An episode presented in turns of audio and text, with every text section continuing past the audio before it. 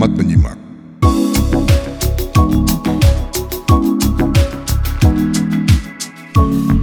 Ngotaks, ngobrol dan talk show.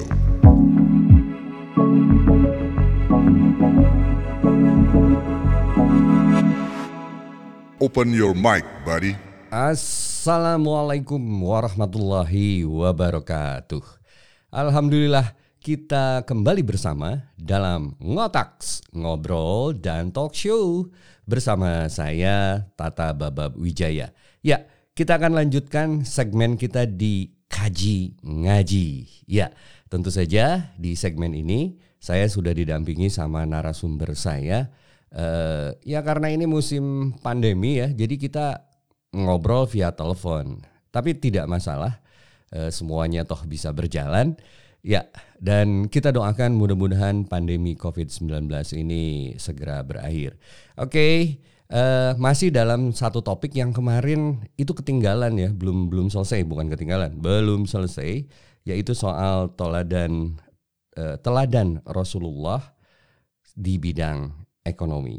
Ya, kita coba kontak kembali Gus Khalidnya. Mudah-mudahan beliau sudah siap. Oke, dan eh, kita dengar bagaimana penjelasan ataupun obrolan kita berikutnya. Oke. Eh, Assalamualaikum warahmatullahi wabarakatuh. Waalaikumsalam warahmatullahi wabarakatuh. Halo Gus, apa kabar Gus? Alhamdulillah sehat kan? Sehat, Alhamdulillah. sehat. Ya, Eh, sudah makan siang Gus? Alhamdulillah belum kan? Belum aja alhamdulillah apalagi kalau sudah coba. Wah, itulah luar biasanya. Gus, eh, kemarin obrolan kita soal teladan Rasulullah di bidang ekonomi sudah sampai pada satu titik di mana Rasulullah itu eh, eh, membuat para kabilah niaga lain tertarik ya. Karena di Iya. usia 15 tahun berhasil eh ini menaikkan kembali performa kabilahnya pamannya yang memang Iya. Rasulullah ikut bergabung di sana. Kemudian di usia 15 tahun kalau tidak salah eh, Gus Khalid bilang kemarin itu malah eh, naik lagi ya, naik lagi performanya setelah mengalami keterpurukan atau bahkan bangkrut gitu ya. Hampir, ya kan? Ah, hampir seperti itu. Oke, eh, kita lanjut Gus. Kita mulai dari titik mana Gus? Kemarin kita sudah sampai kepada bagaimana Rasul mulai atau Muhammad mulai memegang kembali bisnis keluarga yang saat itu dipegang oleh pamannya, yaitu Abu Thalib, dan kemudian mulai merangkak naik hingga nanti ada beberapa fase yang salah satu puncak fase tersebut di usia 20 tahunan Mm-mm. Muhammad ini sudah mulai dilirik oleh para saudagar-saudagar besar Mhm. yang memiliki ekspedisi dagang besar Mhm. untuk direkrut menjadi manajer eh, apa namanya kabilahnya. Oh, Hmm. jadi eh, di situ sudah memulai oh, membuat orang nih mulai pada bisik-bisik ya kalau misalnya di persaingan sekarang gitu. Eh, Betul, kan? Muhammad itu luar biasa ya. Gini gini gini gini dan lain sebagainya lain sebagainya. Ya kalau kita ibaratkan zaman sekarang kan kalau ada yang viral gitu kan, eh, ada yang terkenal gitu, itu memancing orang untuk pengen tahu lebih jauh. Bahkan juga dalam konteks kepentingan eh, bisnis, biasanya sangat sangat apa? Sangat worth it sekali kalau misalnya eh, bergabung gitu ya. Nah terus ceri- betul. ceritanya gimana nih Gus eh, sampai ke usia 20 tahun itu? Mulai kita ya highlight itu di usia 17-an tahun kan. Hmm. Saat Muhammad ini di usia 17-an tahun, Mm-mm. kabilah dagang milik pamannya ini sudah eh, mulai kembali settle seperti kondisi awal. Mhm. Ditambah lagi di usia 17 tahun ini eh, banyak pedagang-pedagang kecil Mhm. yang eh, ingin bergabung ke kabilah dagangnya Muhammad. Ya, dan Karena- dan Rasulullah membuka kesempatan itu ya. Betul sekali kan. Rasulullah membuka kesempatan itu dengan beberapa prasyarat bagi mereka yang mau bergabung. Mm-mm. Salah satu prasyarat dan yang itu paling dipentingkan itu adalah aspek kejujuran terhadap barang dagangan yang mau dititipkan eh, pemasarannya kepada Muhammad. Hmm. Jadi harus dijelaskan detail itu barang, Hmm. kondisinya seperti apa, kualitasnya seperti apa, ada kelemahan di mana, dan seterusnya dan seterusnya. Itu menjadi prasyarat utama bagi para kabilah kecil yang ingin bergabung ke kabilahnya Muhammad. Hmm. Itu yang utama, hmm, hmm. Sehingga sampai di usia 17 tahun, Muhammad ini yang sudah memiliki usaha sendiri, Hmm. meneruskan dari pamannya tadi itu, Hmm. beliau eh, akhirnya terdapat banyak eh, pedagang-pedagang kecil yang bergabung dan di situ mulai ada eh, interaksi bagaimana mekanisme kerjasama dilakukan dalam sebuah usaha. Ya, jadi ini ini ini ada yang menariknya itu adalah bahwa beliau itu sudah mulai memperlihatkan kalau jujur sudah jelas. Tapi Ya. ada semacam sense untuk menumbuh kembangkan gitu ya.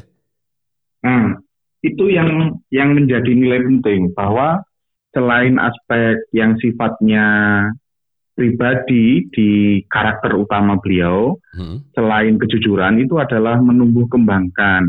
Jadi beliau itu tidak mau memonopoli usaha yang ada di sekitarnya. Ini yang bagi saya di era itu menarik karena biasanya kabilah dagang di era itu di era jahiliyah gitu gitu ya bahasa Hmm. peradabannya di era jahiliyah Hmm. itu yang kuat dialah yang bertahan. Jadi hukum rimba itu memang benar-benar dipraktekkan di era itu, Kang. Tapi Muhammad muda saat itu membuat sebuah gebrakan baru yang justru melawan dominasi-dominasi dari kapitalis-kapitalis kalau dibahasakan di era hari ini begitu, Kang. Coba kalau misalnya saya saya saya coba rangkum ya. Itu sepertinya begini, di tengah kultur di mana semua orang menggunakan mekanisme seperti hukum rimba yang terkuat yang Ya. menang, beliau ini Ya. justru mengembangkan sebuah konsep baru yaitu menumbuh kembangkan eh, Ya. mengajak para pedagang kecil untuk bergabung gitu ya. Betul, Kang. Ya, ya. Dan hasilnya Seperti ternyata itu. luar biasa ya. Ya, yang hasilnya luar biasa. Salah satu yang berhasil eh, dicatat dalam fikih di kemudian hari Mhm. itu ada mekanisme bagi hasil yang kemudian itu menjadi salah satu eh, prinsip dasar dalam berbisnis secara nabi atau ala nabi atau dalam bahasa yang lebih keren disebut dengan bisnis syariah begitu kan. Wah, wah, Mekanismenya berawal dari sini. Profit sharing itu berawal dari sini kan. Menarik, menarik. Janji ya Gus ya nanti cerita soal itu ya. Tapi eh, di part ini kita masih masuk ke track yang sudah kita buat nih eh, bahwa Ya. kita bicara soal teladan Rasul di bidang ekonomi secara general. Oke, eh, begini di antara semua kabilah-kabilah niaga pada saat itu eh, salah satu yang cukup besar itu adalah atau besar malah ya salah satu yang, Yang besar. itu adalah kabilah niaga milik Siti Khadijah. Betul. Betul sekali. Oke. Betul sekali. Eh, nah, di antara yang lain nih ya dan lain sebagainya itu mulai Iya. mulai mu- mulai melihat gitu ya. Ini ini sepertinya Iya. ada sesuatu yang menarik dari diri seorang Muhammad dan Iya. kemudian eh, terjalin. Nah, gimana cerita terjalinnya itu? Saya pengen tahu Ah, itu. Ini- mulai terjalinnya itu saat eh, Rasulullah atau Muhammad saat itu memimpin ekspedisi dagang ke daerah timur selatan kan. Hmm. Itu khususnya di daerah Yaman dan di daerah Irak. Awal mula ketertarikan Khadijah itu berasal dari eh, cerita yang berkembang di masyarakat tentang kesuksesan Muhammad saat membawa kabilah dagangnya ke daerah Yaman dan Irak. Apa yang terjadi itu? Poinnya sehingga Eh, eh, Siti Khadijah tertarik. Yang terjadi itu adalah pertama mekanisme dagang itu kan sudah diketahui ya kan. Hmm. Nah ternyata selain eh, wacana ekspor yaitu mengirim hmm, apa namanya komoditas yang ada di Mekah dan sekitarnya Hmm. untuk dibawa ke Yaman dan Irak, Hmm. ternyata sepulang dari Yaman dan Irak itu Muhammad membawa barang dagangan yang kemudian akan dipasarkan ke Mekah Oh, atau kebalikan ya. lain. Ya Me- betul kan. Mekanisme import ya. mekanisme impor. Dan salah satu komoditas yang dibawa itu adalah rempah-rempah dan minyak goreng. Oh, jadi pada saat itu Rasulullah juga uh, menggunakan mekanisme pertukaran ya? Ya, betul kan. Uh, antar potensi di setiap daerah itu kemudian uh, seakan-akan ya disubstitusikan ya di Betul, di, disubstitusikan. Iya, iya, iya, oke, oke. Terus gimana Gus? Nah, ber berawal dari situ ketika membawa barang yang hasil komoditas di sekitar Yaman dan Irak hmm. ke Mekah. Hmm. Di Mekah ini mau menuju musim ibadah atau ziarah.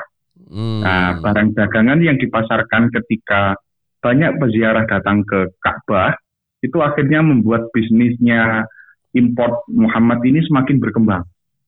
Ya, nah, ya, setelah ya. itu Khadijah melihat ini pemuda ini siapa? Meskipun sudah tahu namanya Muhammad gitu ya Kang ya. Hmm, Potensinya hmm. seperti apa dan lain sebagainya sampai pada satu kondisi uh, Khadijah itu melirik satu potensi yang itu menjadi kunci kenapa Khadijah berminat mengajak Muhammad kerjasama, yaitu pelayanan kan. Oh, jadi pelayanan. Uh, pelayanan pada saat bertransaksi ataupun berniaga ya? Betul. Hmm. Pelayanan saat bertransaksi atau berniaga itu menjadi kunci penting hari itu bahwa barang dagangan yang didagangkan itu harus terjamin. Pembeli yang mau membeli juga tahu kualitasnya. Mm-hmm. Selain itu juga akhirnya muncul trust antara penjual dengan pembeli itu. Sehingga mm-hmm. si pembeli ngomong kalau ini barangnya Muhammad, kualitasnya pasti baik. Oh. Dari sana itu yang menjadi garansi uh, oh berarti Muhammad itu memang sangat profesional di bidang perniagaan dan hmm. membuat Khadijah tertarik merekrut Muhammad sebagai uh, mitra bisnisnya, begitu kan? Itu yang persis seperti kita uh, istilahkan kemarin ya, kualitas ya, terjamin. Kualitas terjamin itu ya. Oke. Okay. Uh, saya tidak mau menyingkat. Ini momentum-momentum bagus ya ketika kita pengen tahu bagaimana uh, relationship uh, tercipta antara Muhammad uh, dengan Siti Khadijah. Uh, yeah. Terus gimana nih ceritanya nih? Uh, setelah berkembang, akhirnya di usia 20-an tahun, tepatnya ini ada perbedaan pendapat ya kan, di usia berapa Muhammad mulai bergabung dengan Khadijah. Mm -hmm. Tapi sebagian besar pendapat merujuk pada usia 22 tahun. Saat Muhammad berusia 20 tahun, mayoritas pendapat menyatakan bergabungnya Muhammad dengan Khadijah itu di usia 22 tahun. Hmm. Atas dasar prinsip yang dimiliki oleh Muhammad hmm Selain tadi kualitas, mm-hmm. begitu juga kemampuan dan kemauan Muhammad untuk menumbuh kembangkan mm-hmm. uh, pedagang-pedagang kecil mm-hmm. agar bisa mandiri, mm-hmm. itu juga menjadi uh, poin penting yang dilihat oleh Khadijah. Ya, ya, ya, ya, ya. Nah, begitu kan. Sebenarnya di titik itu uh, uh, beliau itu bisa bisa breakthrough sendiri ya tanpa harus bergabung dengan yang lain. Kalau melihat kenyataan besarnya dan kemudian berhasil menggamit eh, para pedagang kecil, kemudian menjadi sebuah kabilah yang terhitung besar gitu. Betul ya. kan? Sebetulnya sangat potensial untuk berdiri sendiri.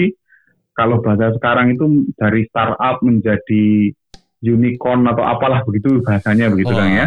Gaya Gus Solid ngomongnya nih. agak agak dengar pernah dengar begitu kan. nah sebenarnya Muhammad potensial untuk melakukan itu, hmm. tetapi Rasulullah atau Muhammad saat itu memilih. lebih memilih hmm. lebih memilih bergabung dengan kabilah dagangnya Khadijah karena Khadijah juga memiliki nilai yang mirip dengan apa yang dipraktekkan oleh Muhammad. Oke. Okay. Jadi ada chemistry situ kan. Oke, okay, oke, okay, oke. Okay. Ini menarik, ini menarik.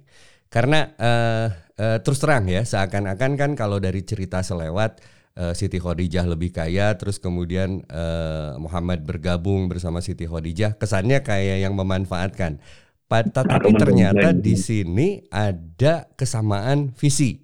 Wah luar biasa ini. Makin tertarik saya. Oke, Eh, kesamaan visi apa yang terjadi di kabilah eh, Siti Khadijah? Eh, kesamaan visi yang pertama dan itu juga menarik eh, Muhammad itu adalah sikap Khadijah ketika mengayomi para pedagang kecil yang ingin menitipkan barangnya ke Khadijah. Pertama itu kan. Hmm. Jadi Khadijah itu juga mempraktekkan hal yang sama seperti yang dilakukan oleh Muhammad saat itu. yang pertama. Hmm, hmm. Yang kedua, Khadijah itu bukan tipe yang membuat pedagang yang ikut di kabilahnya menjadi ketergantungan kepadanya. Hmm. Tidak. Jadi diberikan peluang untuk berkembang sendiri hingga akhirnya bisa mandiri sendiri. Oh ya?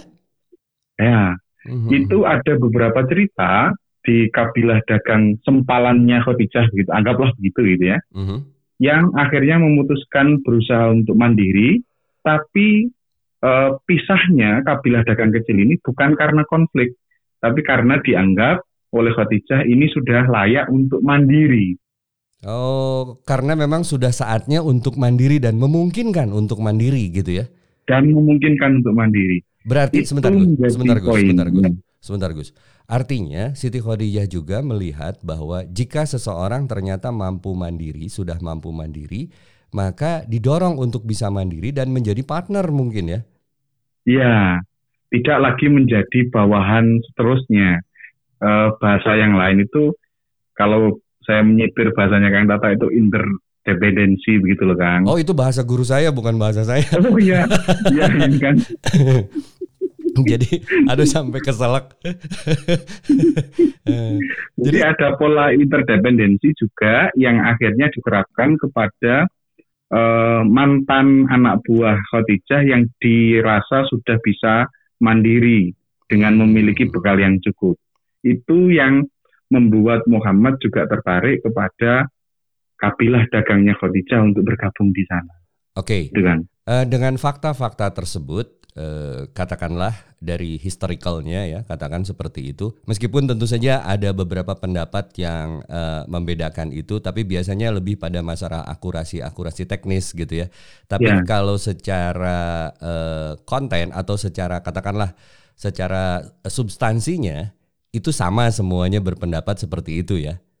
Ya, kurang lebih seperti itu kan. Oke, nah sekarang bagaimana dengan eh, konteks terjadinya engagement, cia, Ya, ya, nah, ini ya, menarik ini kan. ya, ya. Soalnya eh, kenapa akhirnya eh, Muhammad memutuskan untuk melakukan merger, katakanlah, atau eh, melakukan eh, ini ya eh, semacam penggabungan usaha dengan Iya. Siti Khadijah atau memang eh, pada saat itu eh, bukan usaha atau dilamar atau gimana nih? Ini ceritanya gimana? Saya Oke. pengen lebih jelas nih. Sebelum kita Iya. masuk ke eh, cerita-cerita yang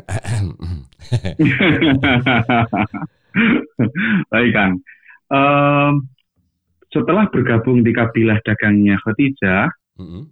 yang dilakukan Muhammad sebagai manajer di tempat itu, bisnis manajer di kabilah dagangnya Khadijah, itu terlihat dampaknya secara signifikan, terdapat banyak peningkatan hingga akhirnya eh, secara materi Khadijah itu disebut sebagai salah satu konglomerat tersukses di kota Mekah. Hmm. Salah satu catatan menyebutkan properti ini berbasis properti saja ya Kang ya ya, oke. yang dimiliki Khadijah itu adalah sepertiga kota Mekah. Properti yang ada di sepertiga kota Mekah itu milik Khadijah. Oh ya? Ya, jadi misalnya Bandung gitu, kan kata atau Sukabumi di kan kata. Ya, ya, ya, ya. Sepertiga kota Sukabumi itu properti yang ada di sana miliknya Khadijah semua begitu kan. Oh. Setelah bergabung dengan Muhammad selama tiga tahun kan. Oh gitu. By the way, Nah. eh, saya tinggal di Manhattan loh, Gus. Gak di Oh iya, iya. Berarti saya salah alamat ini. Iya, iya, iya, iya. Jadi Nah. artinya kalau bahasa sekarang itu tajir banget ya. Eh, Sangat, Kang. eh, sudah berkeras eh, sultan. sultan sih bisa apa aja gitu kata anak sekarang. Oke. Iya. Oke, oke. Jadi Nah, eh, ber- seperti itu terus. Berdasarkan itu ya Kang ya. Mhm. Ya, saya lanjutkan. Berdasarkan itu, hingga akhirnya uh, untuk lebih apa namanya ya menjaga hubungan ini semakin baik begitu tidak dalam transaksi bisnis semata yeah. Khadijah itu akhirnya memutuskan untuk uh, melamar Muhammad begitu kan? Bentar bentar. Nah, ini maunya ya. main ke melamar aja. Melamar kan, ini ya, ya, ya, melamar ini dalam konteks melamar untuk uh, bergabung dalam konteks niaga gitu. Uh, ini kan sudah bergabung selama tiga tahun ini kan oh Nah ini momentumnya jadi kelewat. Jadi uh, pada oh, saat ya. itu uh, uh, Siti Khadijah tertarik pada apa yang dilakukan seorang Muhammad, Muhammad dalam ya. konteks ya. berniaga, kemudian memutuskan untuk mengajak bergabung, begitu. Betul, Kang. Ya. Nah, setelah berdasarkan nilai-nilai yang dimiliki oleh Muhammad, Muhammad juga melihat apa nilai-nilai yang dimiliki oleh Khadijah, visi misi perusahaan apa yang mau dikembangkan oleh Khadijah, akhirnya Khadijah ini dilamar untuk bergabung sebagai ini ngomong dulu uh, aspek profesional ya Kang ya. Ya, ya, ya. Diminta untuk menjadi bisnis manager di kabilah dagangnya Khadijah. Hmm. Oke. Okay. Ya. Berdasarkan nilai-nilai perusahaan yang dimiliki, visi misi Khadijah juga, akhirnya Muhammad menerima tawaran ini. Oh. Meskipun sebenarnya Muhammad kalau mau tetap eh, mendirikan perusahaannya sendiri atau membesarkan perusahaannya sendiri sangat memungkinkan. Ya, ya. Tetapi ada nilai yang lebih penting yang dilihat oleh Muhammad bahwa yang dilakukan Khadijah itu kebermanfaatannya jauh lebih luas apabila Muhammad bergabung di dalam perusahaan itu. Oke. Okay. Begitu. Berarti memang uh, pada saat itu beliau sudah punya sebuah visi bahwa Ketika mekanisme atau model-model seperti ini dikembangkan dan lebih besar dan kebetulan ada mitra yang memungkinkan untuk itu, maka beliau memutuskan untuk bergabung begitu. Bergabung. Uh, Betul kan? Oke. Okay. Nah, bagaimana dengan uh, kabilahnya sendiri yang notabene meneruskan uh, usaha pamannya? Akhirnya ini di merger Kang. Jadi ada kabilah dua kabilah satu kabilah besar dan satu kabilah startup gitu. Mm-hmm. Ini mulai di merger setelah Muhammad secara resmi menghandle bisnis di kabilahnya Khadijah. Akhirnya di merger lah, begitu. Okay. Nah, ketika di merger ini, tempo tiga tahun, apa yang dicapai oleh Muhammad dalam mekanisme berdagang, hmm. misalnya ketika melakukan ekspor ke Yaman, Irak, gitu, atau ke daerah utara di sekitar uh, Suriah, Palestina dan sekitarnya uh-huh. uh, menunjukkan hasil yang sangat memuaskan hmm. dan itu terjadi selama tiga tahun kan sampai di usia 25 tahun Muhammad. Oke. Okay. Kematangan berbisnisnya sangat terasa hingga usia 25 tahun. Alright. Uh, tetapi di sana uh, kabilah-kabilah lainnya tetap berkembang juga kan? Ya, salah satu yang uh, berkembang cukup pesat itu adalah kabilah yang dipimpin uh, dari keluarganya Utsman bin Affan kan? Oh, iya iya iya iya iya. Ya, ya. yang kemudian nanti di kemudian hari ketika Utsman uh, sudah beranjak di usia 30-an tahun, -huh. itu menjadi perusahaan besar di kemudian harinya. Oke, okay. itu nanti kita bisa bahas. Uh, yeah. Menarik sekali karena uh, tentu saja Utsman bin Affan juga tercatat menjadi sahabat utama Rasulullah ya dari keempat yeah. sahabat Rasulullah. Oke, okay. nah sekarang boleh Gus bercerita melamar. Oke. Okay. ya, uh, berawal dari catatan atau track record yang sudah dilakukan oleh Muhammad ketika menjalankan bisnis bersama di kabilahnya Khadijah. Uh-huh. Akhirnya untuk mempererat hubungan yang awalnya hanya bersifat profesional saja, uh-huh. uh, itu mau ditingkatkan oleh Khadijah. Itu pun Khadijah juga agak sungkan begitu Kang ya. Agak malu-malu juga. Cara, uh-huh. Agak malu-malu juga. Karena uh, pertama khawatir apakah nanti akan mempengaruhi di bisnisnya menjadi apakah menjadi tidak profesional karena ada hubungan yang lebih sifatnya pribadi. Mm-hmm. Namun hal ini diyakinkan oleh pembantunya Khadijah. Asistennya ya? atau asistennya atau Hmm. sekarang itu sekretarisnya gitu kan. Oh. Bahwa Muhammad ini insya Allah akan tetap profesional dalam menjalankan bisnis begitu. Ya, karena mungkin eh, asistennya itu secara teknis sangat memahami bagaimana eh, eh, Rasulullah atau Muhammad SAW pada saat itu eh, dalam konteks bekerja ya, dalam konteks bekerja dan dalam konteks berkarya, dalam konteks berniaganya. Mungkin itu ya. Gus ya. Betul sekali. Jadi Karena- reasonable gitu, reasonable gitu. ya. Reasonable, ya. Jadi si sekretarisnya Khadijah ini sudah ikut kabilah dagang bersama Muhammad ini tidak hanya satu dua kali, tapi sudah berkali-kali begitu. Hmm, sambil- E, melakukan supervisi begitu kan. Oke. Sehingga akhirnya diyakinkan bahwa tidak akan ada yang berubah dari aspek e, pekerjaan apabila Khadijah melamar Muhammad SAW. Oh. Sehingga Akhirnya Mhm. yang diminta untuk melamar adalah si sekretaris ini. Tolong mintakan Muhammad, tanyakan kepada Muhammad, apakah Muhammad bersedia menjadi suami dari Khadijah. Oke. Begitu kan? Sebenarnya ini eh, bukan konteks melamar secara resmi ya. Artinya Iya. eh, lebih pada saja. eh, lebih pada mungkinkah gitu. Tapi ini dilakukan Mm-mm. sendiri oleh eh, ininya ya, perantaranya yaitu eh, sekretaris pribadinya. Terus Iya. ceritanya gimana, Gus? Nah, kemudian setelah itu didengarlah oleh pamannya Muhammad Abu Talib karena Abu Talib ini juga menjadi walinya Muhammad. Mhm. akhirnya dibilangin bahwa Muhammad kamu ditawari untuk eh, menikah dengan Khadijah apakah kamu berkenan begitu terus Nabi Mu- Muhammad saat itu bilang tidak pantas seorang perempuan melamar saya saja yang melamar gitu Hmm. akhirnya Muhammad beserta keluarga besar melamar Khadijah dan di sini tradisi mulai bergeser Kang karena dahulu itu Mhm. biasa orang kaya meskipun memiliki anak perempuan melamar kepada pihak calon laki-laki. Hmm. Nah, Jadi kultur budayanya kultur bergeser. kultur pada saat itu seperti itu ya, Gus ya? Ya, betul sekali kan. Mhm, mhm, Betul sekali. Hingga akhirnya Muhammad membuat sebuah kultur baru bahwa yang berhak melamar itu adalah si laki-laki. Oke. Yang berhak memberikan jawaban diterima atau tidak itu si perempuan, begitu kan. Lalu terjadilah eh, proses itu ya.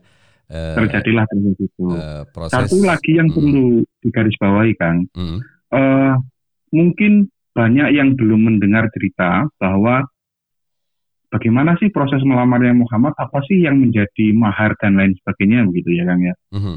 Eh, itu pun juga jarang diekspos dengan baik gitu. Mm-mm. Gimana Nah, gimana ketika gimana? Muhammad- Gimana itu? Ya, ketika Muhammad melamar Khadijah itu kan membawa keluarga besar gitu ya Kang ya. Mm-mm. sampai akhirnya terjadilah eh, akad nikah begitu. Mhm. Nah, ini yang perlu digarisbawahi bahwa ketika melamar Khadijah, Muhammad ini membawa mahar yang tidak sedikit kan. Oh ya? Ya, maharnya kalau saat ini justru sangat banyak.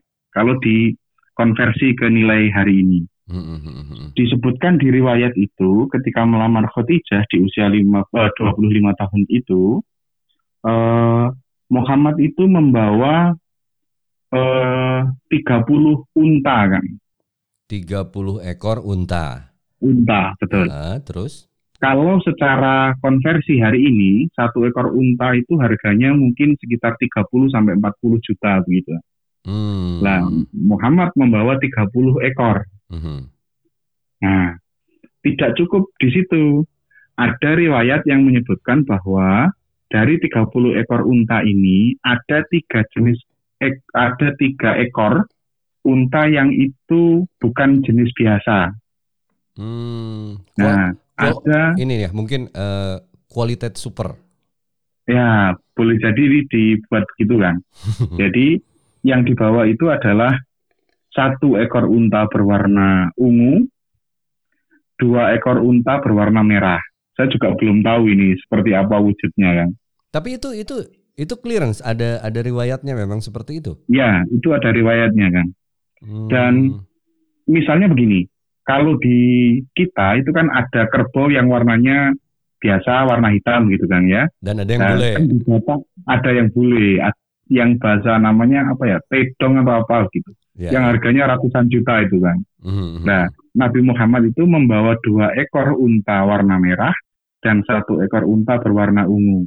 Yang berwarna ungu ini lebih mahal daripada yang berwarna merah. Yang berwarna merah ini harganya sepe- eh, satu setengah kali lipat dari yang unta biasa kan.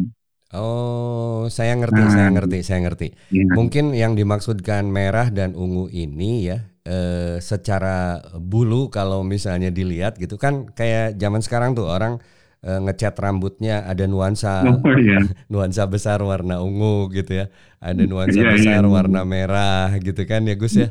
Eh, barangkali itu Kang ya. boleh jadi, tapi kita sendiri juga hanya memperkirakan saja. Tapi secara riwayat ada cerita seperti itu. Iya betul. Oke, Selain eh, 30 ekor unta tadi itu, ya. Nabi Muhammad atau Muhammad juga membawa emas emas 24 karat Ya, sebanyak 12 setengah ons kan. kalau kita main gram ini udah main ons ya. Main ons ini. Sekarang itu kan anggaplah satu gram satu juta begitu ya. kan. Hafal Ini- sekali sih harga emas. Kayaknya begitu loh. Anggaplah begitu kan. Jadi kalau 12 setengah berarti 125 kali 100 juta. Kali 1 juta. Oke, Berarti 125 juta. Ya begitulah. Saya juga bingung mikirnya. luar Saya tidak biasa. terbiasa ngitung uang banyak soalnya kan. Iya, iya, iya, iya. Artinya sebetulnya eh, pada sebuah momen-momen tertentu, pada sebuah momen-momen tertentu, memang kesungguhan itu diperlihatkan ya. Ya, ini yang menjadi garis bawah bahwa untuk eh, melamar seorang wanita terhormat itu seharusnya kita berusaha maksimal untuk memberikan mahar kepada pihak perempuan. Jadi eh, karena hari ini tuh banyak yang mispersepsi, ya kalau mau menikah dengan eh, calon atau pujaan hatinya ya nggak perlu mahar yang mahal-mahal kan begitu. Misalnya Hmm. ada tren maharnya itu tanggal begitu Kang. Misalnya tanggal tanggal 10 bulan 10 tahun 2020 berarti 10.120 rupiah misalnya begitu ya Kang ya. Iya, tapi tidak ber- Eh, tapi gini Ya. Gus, eh, tapi gini Gus, Eh, artinya sebetulnya ya dengan kemampuan yang ada ya, dengan Hmm. kemampuan yang ada, tapi value yang sebetulnya ditumbuhkan adalah eh, value kesungguhannya itu ya. Ya, jadi yang ingin ditampilkan Muhammad saat itu adalah menghargai perempuan itu dalam posisi yang tinggi, tidak menghargai perempuan itu dalam posisi rendah. Karena di era itu, Kang, ada kebiasaan menikah itu dengan mahar murah Hmm. Itu. atau bahkan maharnya hanya eh, apa begitu, melakukan pekerjaan apa begitu misalnya. Oke. Nah, untuk meredusir hal itu, untuk menaikkan derajat perempuan, bahwa perempuan itu tidaklah semata komoditas begitu, maka Muhammad memberikan mahar itu sesuai dengan kapasitas si calon kan. Oh, ya artinya kan Ini begini, begini, begini Gus. Ini ini ini mungkin akan jadi sangat menarik sekaligus juga eh, mungkin orang akan punya satu eh, model bahwa ketika seseorang mencintai eh, seseorang lagi perempuan, ya seorang laki-laki mencintai perempuan, terus kemudian berniat menikahinya, sebaiknya memang eh, optimal dalam konteks eh, ini ya menghargai. Jadi value-nya sesuai dengan Menghargai. kemampuan yang eh, paling dimilikinya itu eh, ada nilai sungguh-sungguhnya di sana. Dan kebetulan Nah, itu. menunjukkan bahwa Rasulullah sendiri eh, pada saat itu berkemampuan untuk itu. Betul sekali kan. Itu yang ingin ditunjukkan dalam nilai kenapa Rasulullah memberikan mahar yang tidak kecil, Mhm, mhm. begitu kan. Oke. Itu penting. Eh, ya, eh, berarti memenuhi unsur unsur-unsur yang katakanlah tidak cuma nilai saja, tetapi dari sisi eh, derajat di keduniawiannya juga tertunjukkan gitu ya, karena memang ada gitu ya. Ya betul kan, karena memang memang berpunya, memang berpunya. Oke, eh, ada lagi dari cerita tersebut yang Ya. eh, eh, masih belum tersampaikan, Gus. Nah, eh, yang menarik juga setelah menikah ini, eh, saya kira untuk prosesi sampai beliau menikah, nilai yang disampaikan dan ingin diajarkan ke masyarakat, Muhammad sudah menyampaikan itu semua. Dan mulai ada perubahan di masyarakat untuk lebih menghargai perempuan. Eh, kalau kita ingat, ada banyak sekali eh, catatan sejarah di Arab memiliki anak perempuan itu aib gitu ya Kang ya. Pada saat itu, Betul Kang. Itu yang menjadi salah satu contoh adalah saat Umar mau mengubur anak perempuannya hidup-hidup yang baru lahir. hmm, Nah, berdasarkan kebiasaan orang Arab saat itu, eh, Muhammad berusaha untuk menjelaskan bahwa derajat perempuan ini tidak beda dengan derajat laki-laki. Jadi ada unsur feminis yang diajarkan oleh Muhammad saat itu. Oke, sebe- jadi sebetulnya eh, dalam proses itu eh, banyak hal sekali yang beliau lakukan itu betul-betul eh, membuat kultur di sana itu menjadi heboh ya, berubah gitu ya. Sangat, sangat, sangat shock. Banyak shock culture yang terjadi akibat apa yang dilakukan oleh Muhammad saat itu. Tidak hanya di fase pernikahan ini kan, sebelum-sebelumnya juga begitu. Oke, eh, karena topik kita ini eh, soal teladan eh, Rasul eh, di bidang ekonomi, eh, ini memang asik ya cerita soal bagian-bagian ini. Tapi eh, kita harus kembali ke track. Eh, Ya, jadi eh, kita akan ngobrol ke visi ekonominya setelah kemudian beliau eh, menikah dengan Ya. Siti Khadijah dan dalam catatan ini juga dikatakan bahwa si kabilah niaga itu pun juga jadi tergabung secara resmi ya. ya, secara resmi merger.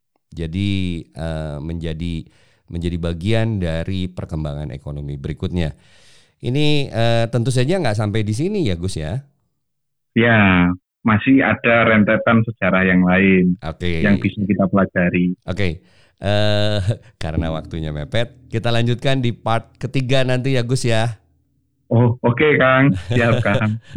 Ya artinya sekali Kang. eh, nggak kerasa ya, nggak kerasa. Ini kita sudah Oh, iya. lumayan hampir 40 menit, 37-an, 30 36 37 eh kita bicara. Jadi kita simpan di part eh, tiga eh, menge- menyangkut eh, topik ini. Gus, terima kasih sekali ya Gus ya. Sudah Siap, mau bergabung di Ngotaks ngobrol dan talk show. Eh, dan satu lagi Gus, seperti biasa, Ya. salam untuk Mbak Enki. Insya Allah saya sampaikan Kang. Oke, sampai ketemu ya Gus ya. Assalamualaikum kasih, warahmatullahi wabarakatuh.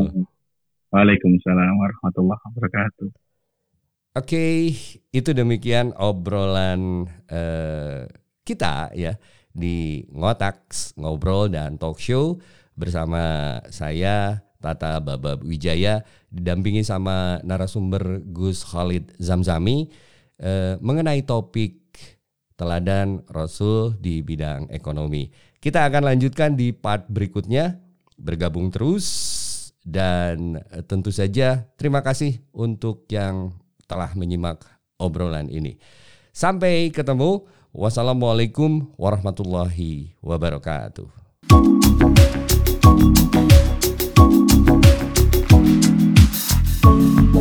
Ngotaks Ngobrol dan Talk Show